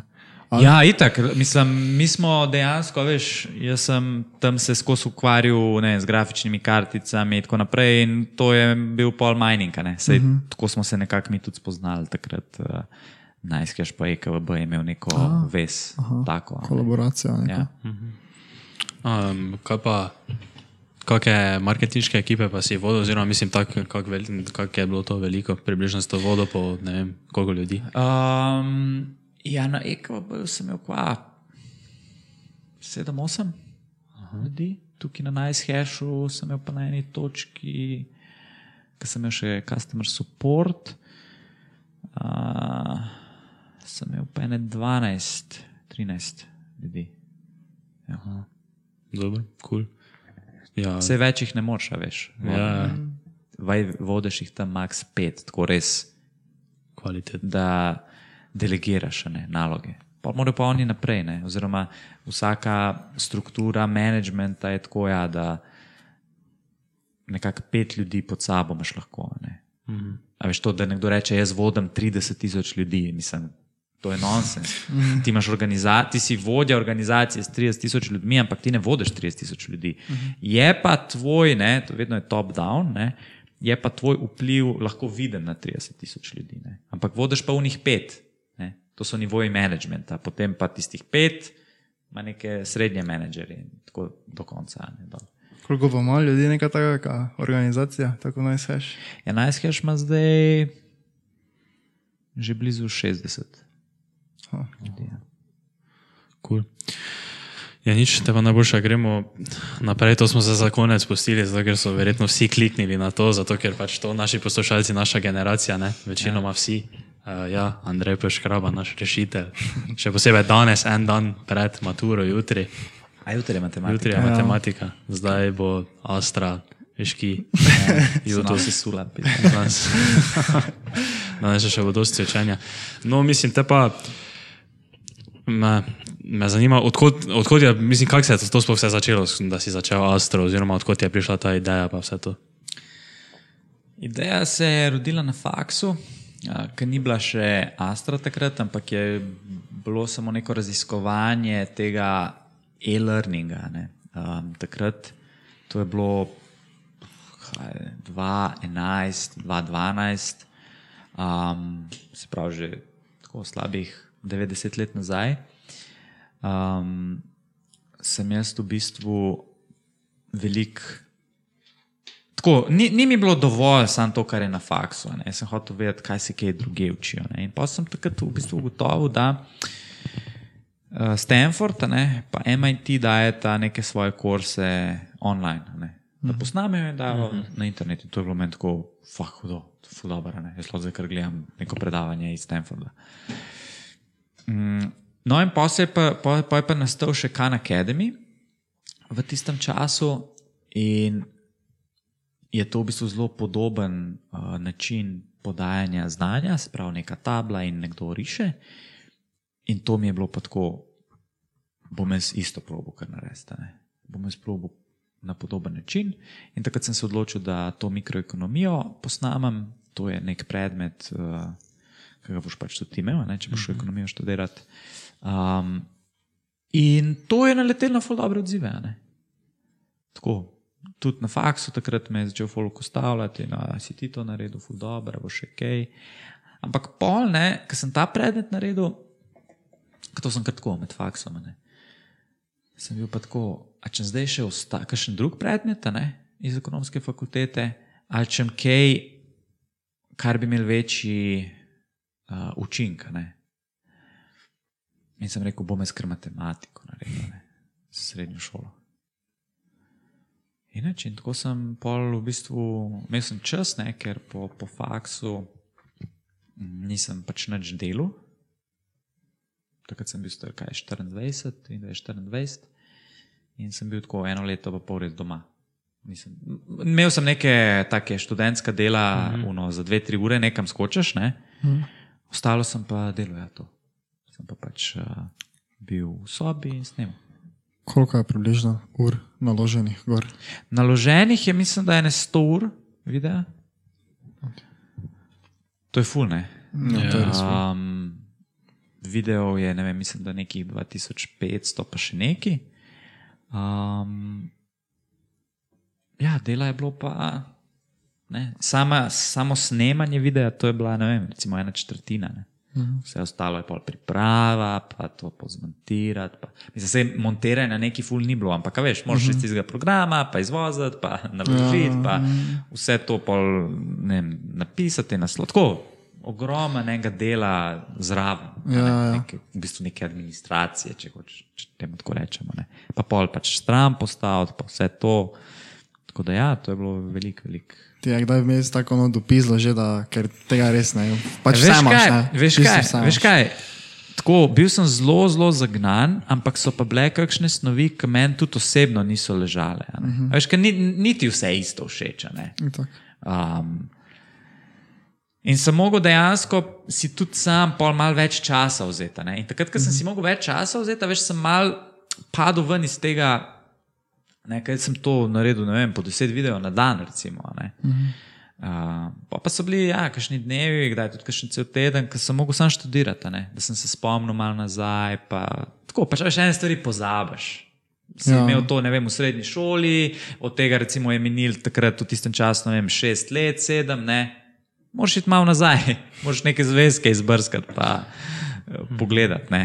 Um, Se tega ni bilo veliko, ne, ampak recimo tako za 21 posto snovi sem pa mogel tako čisto sam spet nazaj ponoviti. ne. Samo za 20% osnovi, ostalo pa Ja, ostalo 80. sem pa, veš, ostalo sem pa, ostalo sem pa tudi že na študiju. Ne? Uh -huh. A veš, itak imaš matematiko in recimo ne vem, neki odvod, integrali greš še v full pol naprej. a ne. Um, uh, pa kakšna kombinatorika, verjetnost, to, to smo imeli mi pol full višji nivo še. a ne. Tako da Tisto je bilo zelo enostavno, pa funkcije, pa to, to, to, je- to je bilo simpelne. Geometrija mi je itak bila vedno ful, tako mm -hmm. kul. Cool, um, polinomi, to, racionalne funkcije, to mi je bilo vse tako easy. Ne. Nisem, nisem imel problema. Jaz sem bil fiks, da, da to neki profesor predaja. Jaz se ne morem predstavljati, ker matematika meni ne tako fejs leži. Ja. Ja. Jaz nisem mogel predstavljati, da bi to nekdo tako pač malo za foro delal. Ja, še, še zdaj ne znam 80% osnovi. Pa jutri maturo pišem. Ne, dobro, ne, sem tako hudo ni. Ne, se matura ni, matura ni neki ful. Ja, ne, vse. To se mi vsi trije strinjamo, da tu, ker imamo zvečer tak časi, veš, smo se dobili, pa smo se ja. Ja. tu tako sedli, en tam, en tu na sredini, en tu, pa smo ja. si tu računalnik dali, pa smo pole reševali, ne. Ja. Pa mi to razvijali, tu zdaj za eno polo, dve ure, veš, tako skupaj vsi, Ja. ja, gled, to je tak, to je tak, gor dol, to vse. Um, To je tako, da bi ti zdaj čez pet let Ja, začel. da bi jaz zdaj poknil nekaj.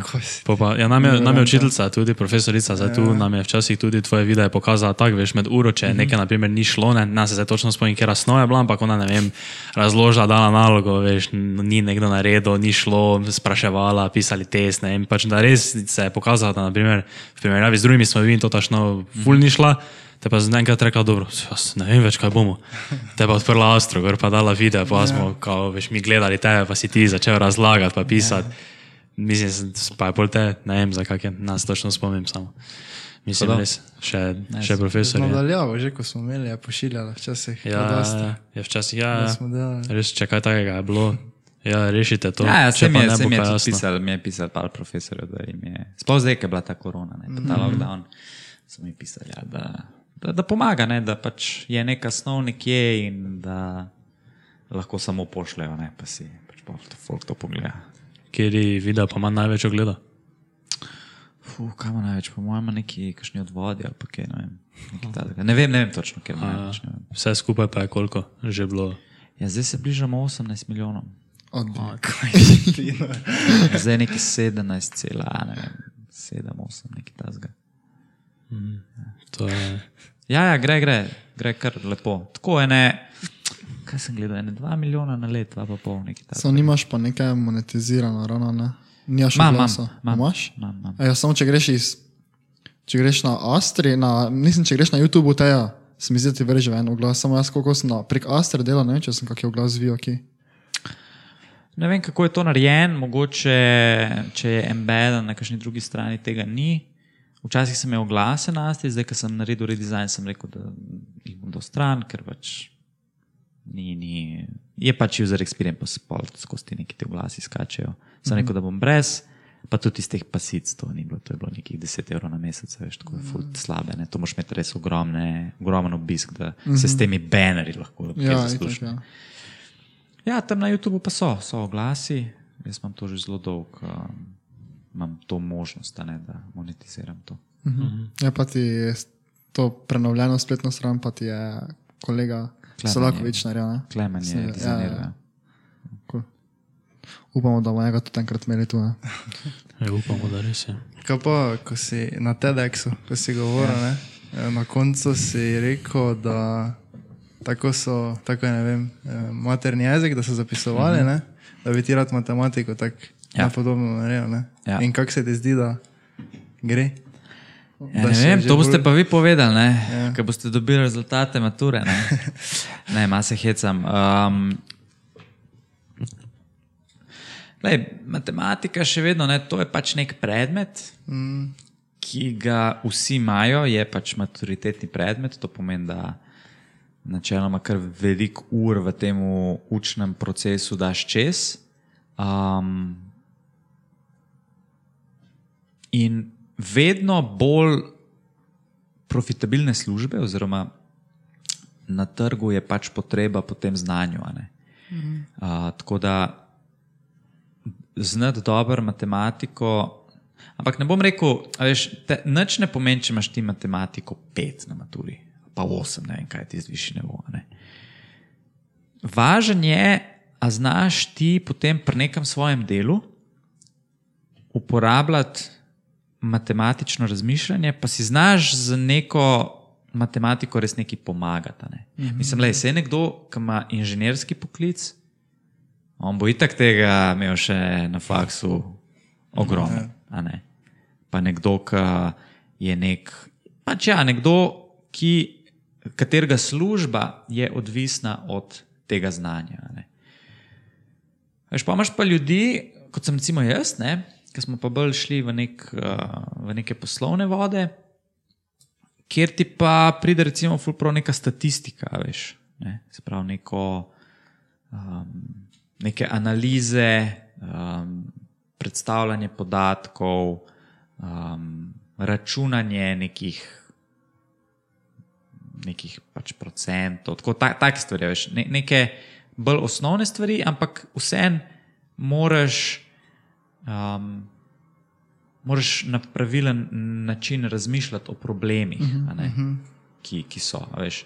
Marketing, recimo, sploh ta digitalni, ne, to tisti ta pravi marketingaši, ki to tako zelo matematično gledajo, so zelo podkovani v matematiki. Pa misliš, to je marketing. Ampak, veš, tam, da ti znaš pravilno pač a, te budžete, da razumeš v bistvu kaj, da ti razumeš, veš, ker pri teh a, platformah oglaševalskih je vedno je nek, v bistvu, nek reverse engineering ti delaš. ne. Ti probaš ugotoviti, kako najbolj profitabilno oglaševati. ne.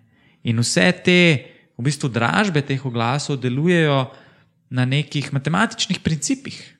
ne. In je zelo dober, če imaš tudi neko znanje, neke statistične analize, ne, da znaš to dobro analizirati. Sploh če ja, veš, danes, danes toliko podatkov mi lahko zbiramo, ne, sploh v teh internetnih biznisih, da je, je pomembno to, no, pač manipulacija s podatki, statistika je pomembna. Statistika. To je ful pomembno. Ne. Tako da, če bi jaz mogel izpostaviti eno snov ne, v matematiki iz srednje šole, ali pa se faks je pa ful odvisen, kje si, a ne, uh, bi rekel statistiko. Je pa statistike najmanj. Ne. Tako, čist, mm -hmm. veš, ti se tam učiš, ti se učiš nekaj, ne neko trigonometrijo, veš, trigonometrične enačbe, to rabijo stari rocket scientisti, kar noben ne bo. Um, ali pa nekdo, ki res ne vem, kaj počne. a Ne. Ne kaj smo se mi še vse učili, neki adicijski izreki. pa nek- To, to, nonsens, a veš, to je nonsens. Polovični kot. Polovični kot.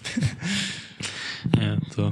Še je dobro, da imam formulo napisano na ko- Ne, se veš, če greš strojništvo študirati, je to ful pomembno. ne. Mm, Ja. Ampak zdaj, koliko ljudi greš strojništvo študirati, pisma, ne bi bilo bolj, da mi večino folka, ne vem, veš, procent. Tako, jaz vidim, folk ne zna s procenti računati. Ne. Ka, ti imaš pa v bistvu, ko imaš bruto plačo, ne, pa neto plačo, že to folk ne ve, kaj je razlika, pa ki si moraš davek računati glede na procent, folk ne zna tega zračunati. Ne. Vidi ceno, 22-odstotni DDV, kaj to sploh pomeni. Mislim, tako, to je čist neka osnovnošolska stvar, Ja, ne, ja, ja. kamor je maturitetna, veš. Ja, nič za. Glavno, da znaš adicijski izrek. Ja.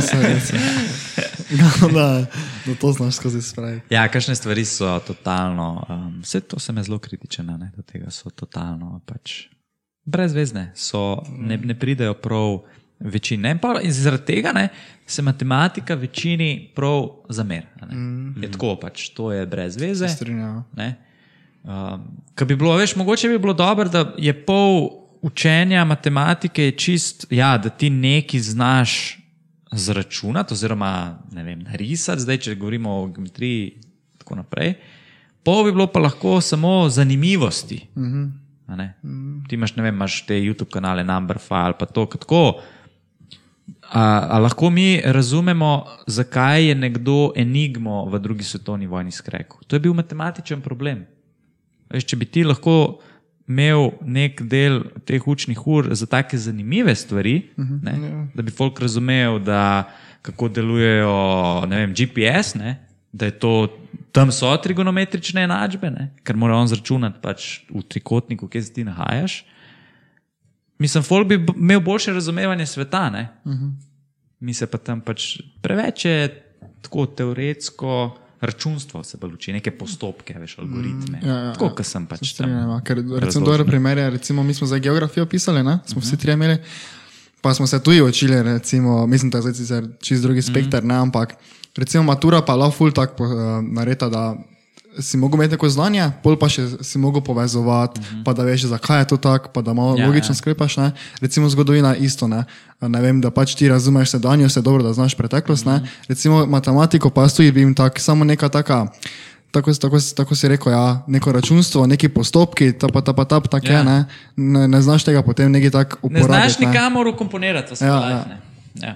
A Veš, če, bi, če bi ti naučil ljudi danes, kar bi jaz recimo tudi dal, je neka ta finančna matematika, ne? nek aspekt vodenja svojih osebnih financ, veš, mm -hmm. da bi si znal folk v Excelu narediti. Uh, Svoje prihodke, odhodke, neko, neko razliko. a Veš, tako, to so neke take uporabne stvari ne? mm -hmm. za life tvoj. a ne. Um, in to manjka, ne? tega je premalo. Ja, v to, kar smo imeli, to predmaturitetno, sta bili po mojem dve uporabni nalogi. Mislim, no. tako življenjsko bi rekel, kaj že ona je bila, ko si mogel si izračunati neko parcelo, naprimer, kao površino, ne? Koliko pokosijo ti pa one kostce, ta tista. Ti si šel dobro, ostalo pa je tako.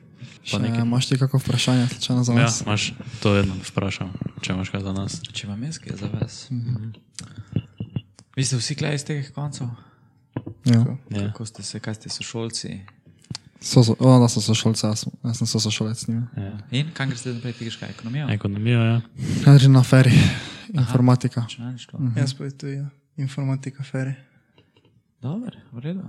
Mm. ste potencijalni zaposleni v Najshashu čez, čez pač tok in tok let. ne. Kaj pa, recimo, kaj, bi se, kaj, vam, kaj vas zanima v programiranju oziroma v tej smeri? Mene spletne strani ful zanimajo, recimo to že zdaj, predtem sem spoh na faksu, že tako malo gledam na YouTube, pa to pa Ja. ja. pravim doma malo programirati. Uh, ne vem, neke one hardcore stvari, ko so neke take, kako se spoh reče. Ker eno imaš web Ja. ja. development, eno pa je, ti si drugi spektr. Nekje ne? pa bolj teorija. ne, Ja, ja tisto mi ni tako. Zato sem tudi izbral informatiko, ki je mogoče bolj orientirana na web, uh, ker še imaš drugo um, smer na ferijo, Mhm. ko pa je pač ono čisto programiranje. ne. Tako da tako bolj to, no. uh, spletne strani pa ne vem, drugo ne bi rekel. Tako. Druga tu je ni nič kaj takega. Ja, tako je Tomaš rekel, samo pač meni je že bilo ful v, zdaj, v drugih letnikih, pa prvem letniku, ko smo pri informatiki, nekaj po Pythonu pa to delali, mi je ful bilo všeč. Pa, mm -hmm. Zakaj pa ne, ne? Pa to je zanima, me računalniki pa to ne. Ja.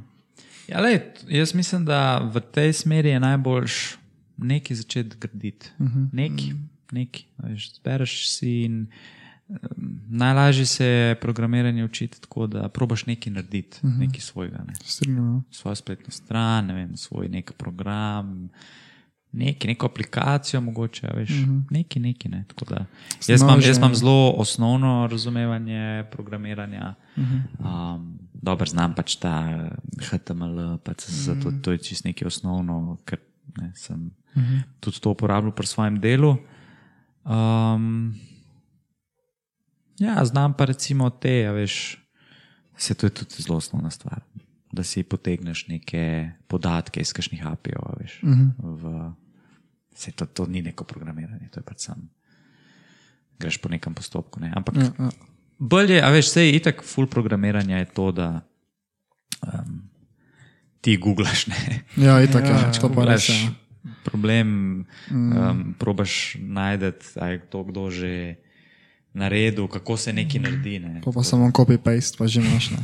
Ja. Ampak sta pravi, ne, oni hardcore programerji, mm. pa znajo pa nekaj čist iz nule postaviti. Ne. Ja, ja, ja. Tako originalno. Mene še samo zanima, kak je gaming rig imaš. Ja, Gaming Creek. Ja. Jaz imam, veš kaj imam? Um, imam tega, ta zadnjega procesora je AMD 5900X, Aha. pol imam uh, 3070, Ja. 32 GB, 3200 MHz, G-Skill. Motherboard je nek, uh, neka gigabajt plošča, Aha. ko je že neka Orus. Ne vem. um, M2 diski, nimam sploh nobenih drugih diskov. Um, neko Corsair hiše imam. Sam si si naredil računalnik, ne? Ja, ja, itak, to jaz delam kompe po svoje mm. že 15 let. Ja. Pa si dobo grafično po taki normalni ceni, Um, si full več da. ne, ne, grafično sem uh, Grafično sem, da bo najsveš. Dobro, to je če slučajno, Treba- še malo kako odvečlo. Treba pošteno povedati. Kaj naj seš, jemlješ študentsko, imaš študentsko delo? Ja, tudi. Tudi. Ja. Samo. Ja, le priporočam, da sledite tem, um, tam je na strani je nek, uh, neka sekcija Jobsa ne? uh -huh. in tam lahko vidiš, kaj so odprta mesta. Okay. Tako da pogledaš, slediš temu. Um, na LinkedIn smo ponovadi tudi objavljali, v nekih teh skupinah na Facebooku, ne? slovenski developerji. Mm, se je, lansko leto no, smo kar par juniorjev je prišlo. Cool. Najskejše. Dobro. Ja, nič, te pa mislim, da je to to. Um, še enkrat hvala tebi, da si prišel. Ja, hvala za hva- povabilo. Hvala vam, da ste poslušali. Um, ja, nič, mi se moramo iti za učiti za jutri, še malo, nekaj se še moramo, malo se še moramo moče kaj pogledati na astro, če kaj ne bo šlo skozi. A še imam za odprto. Višina piramide. Uh, ja, nič, te pa Hvala lepa za gled. hvala za ogled.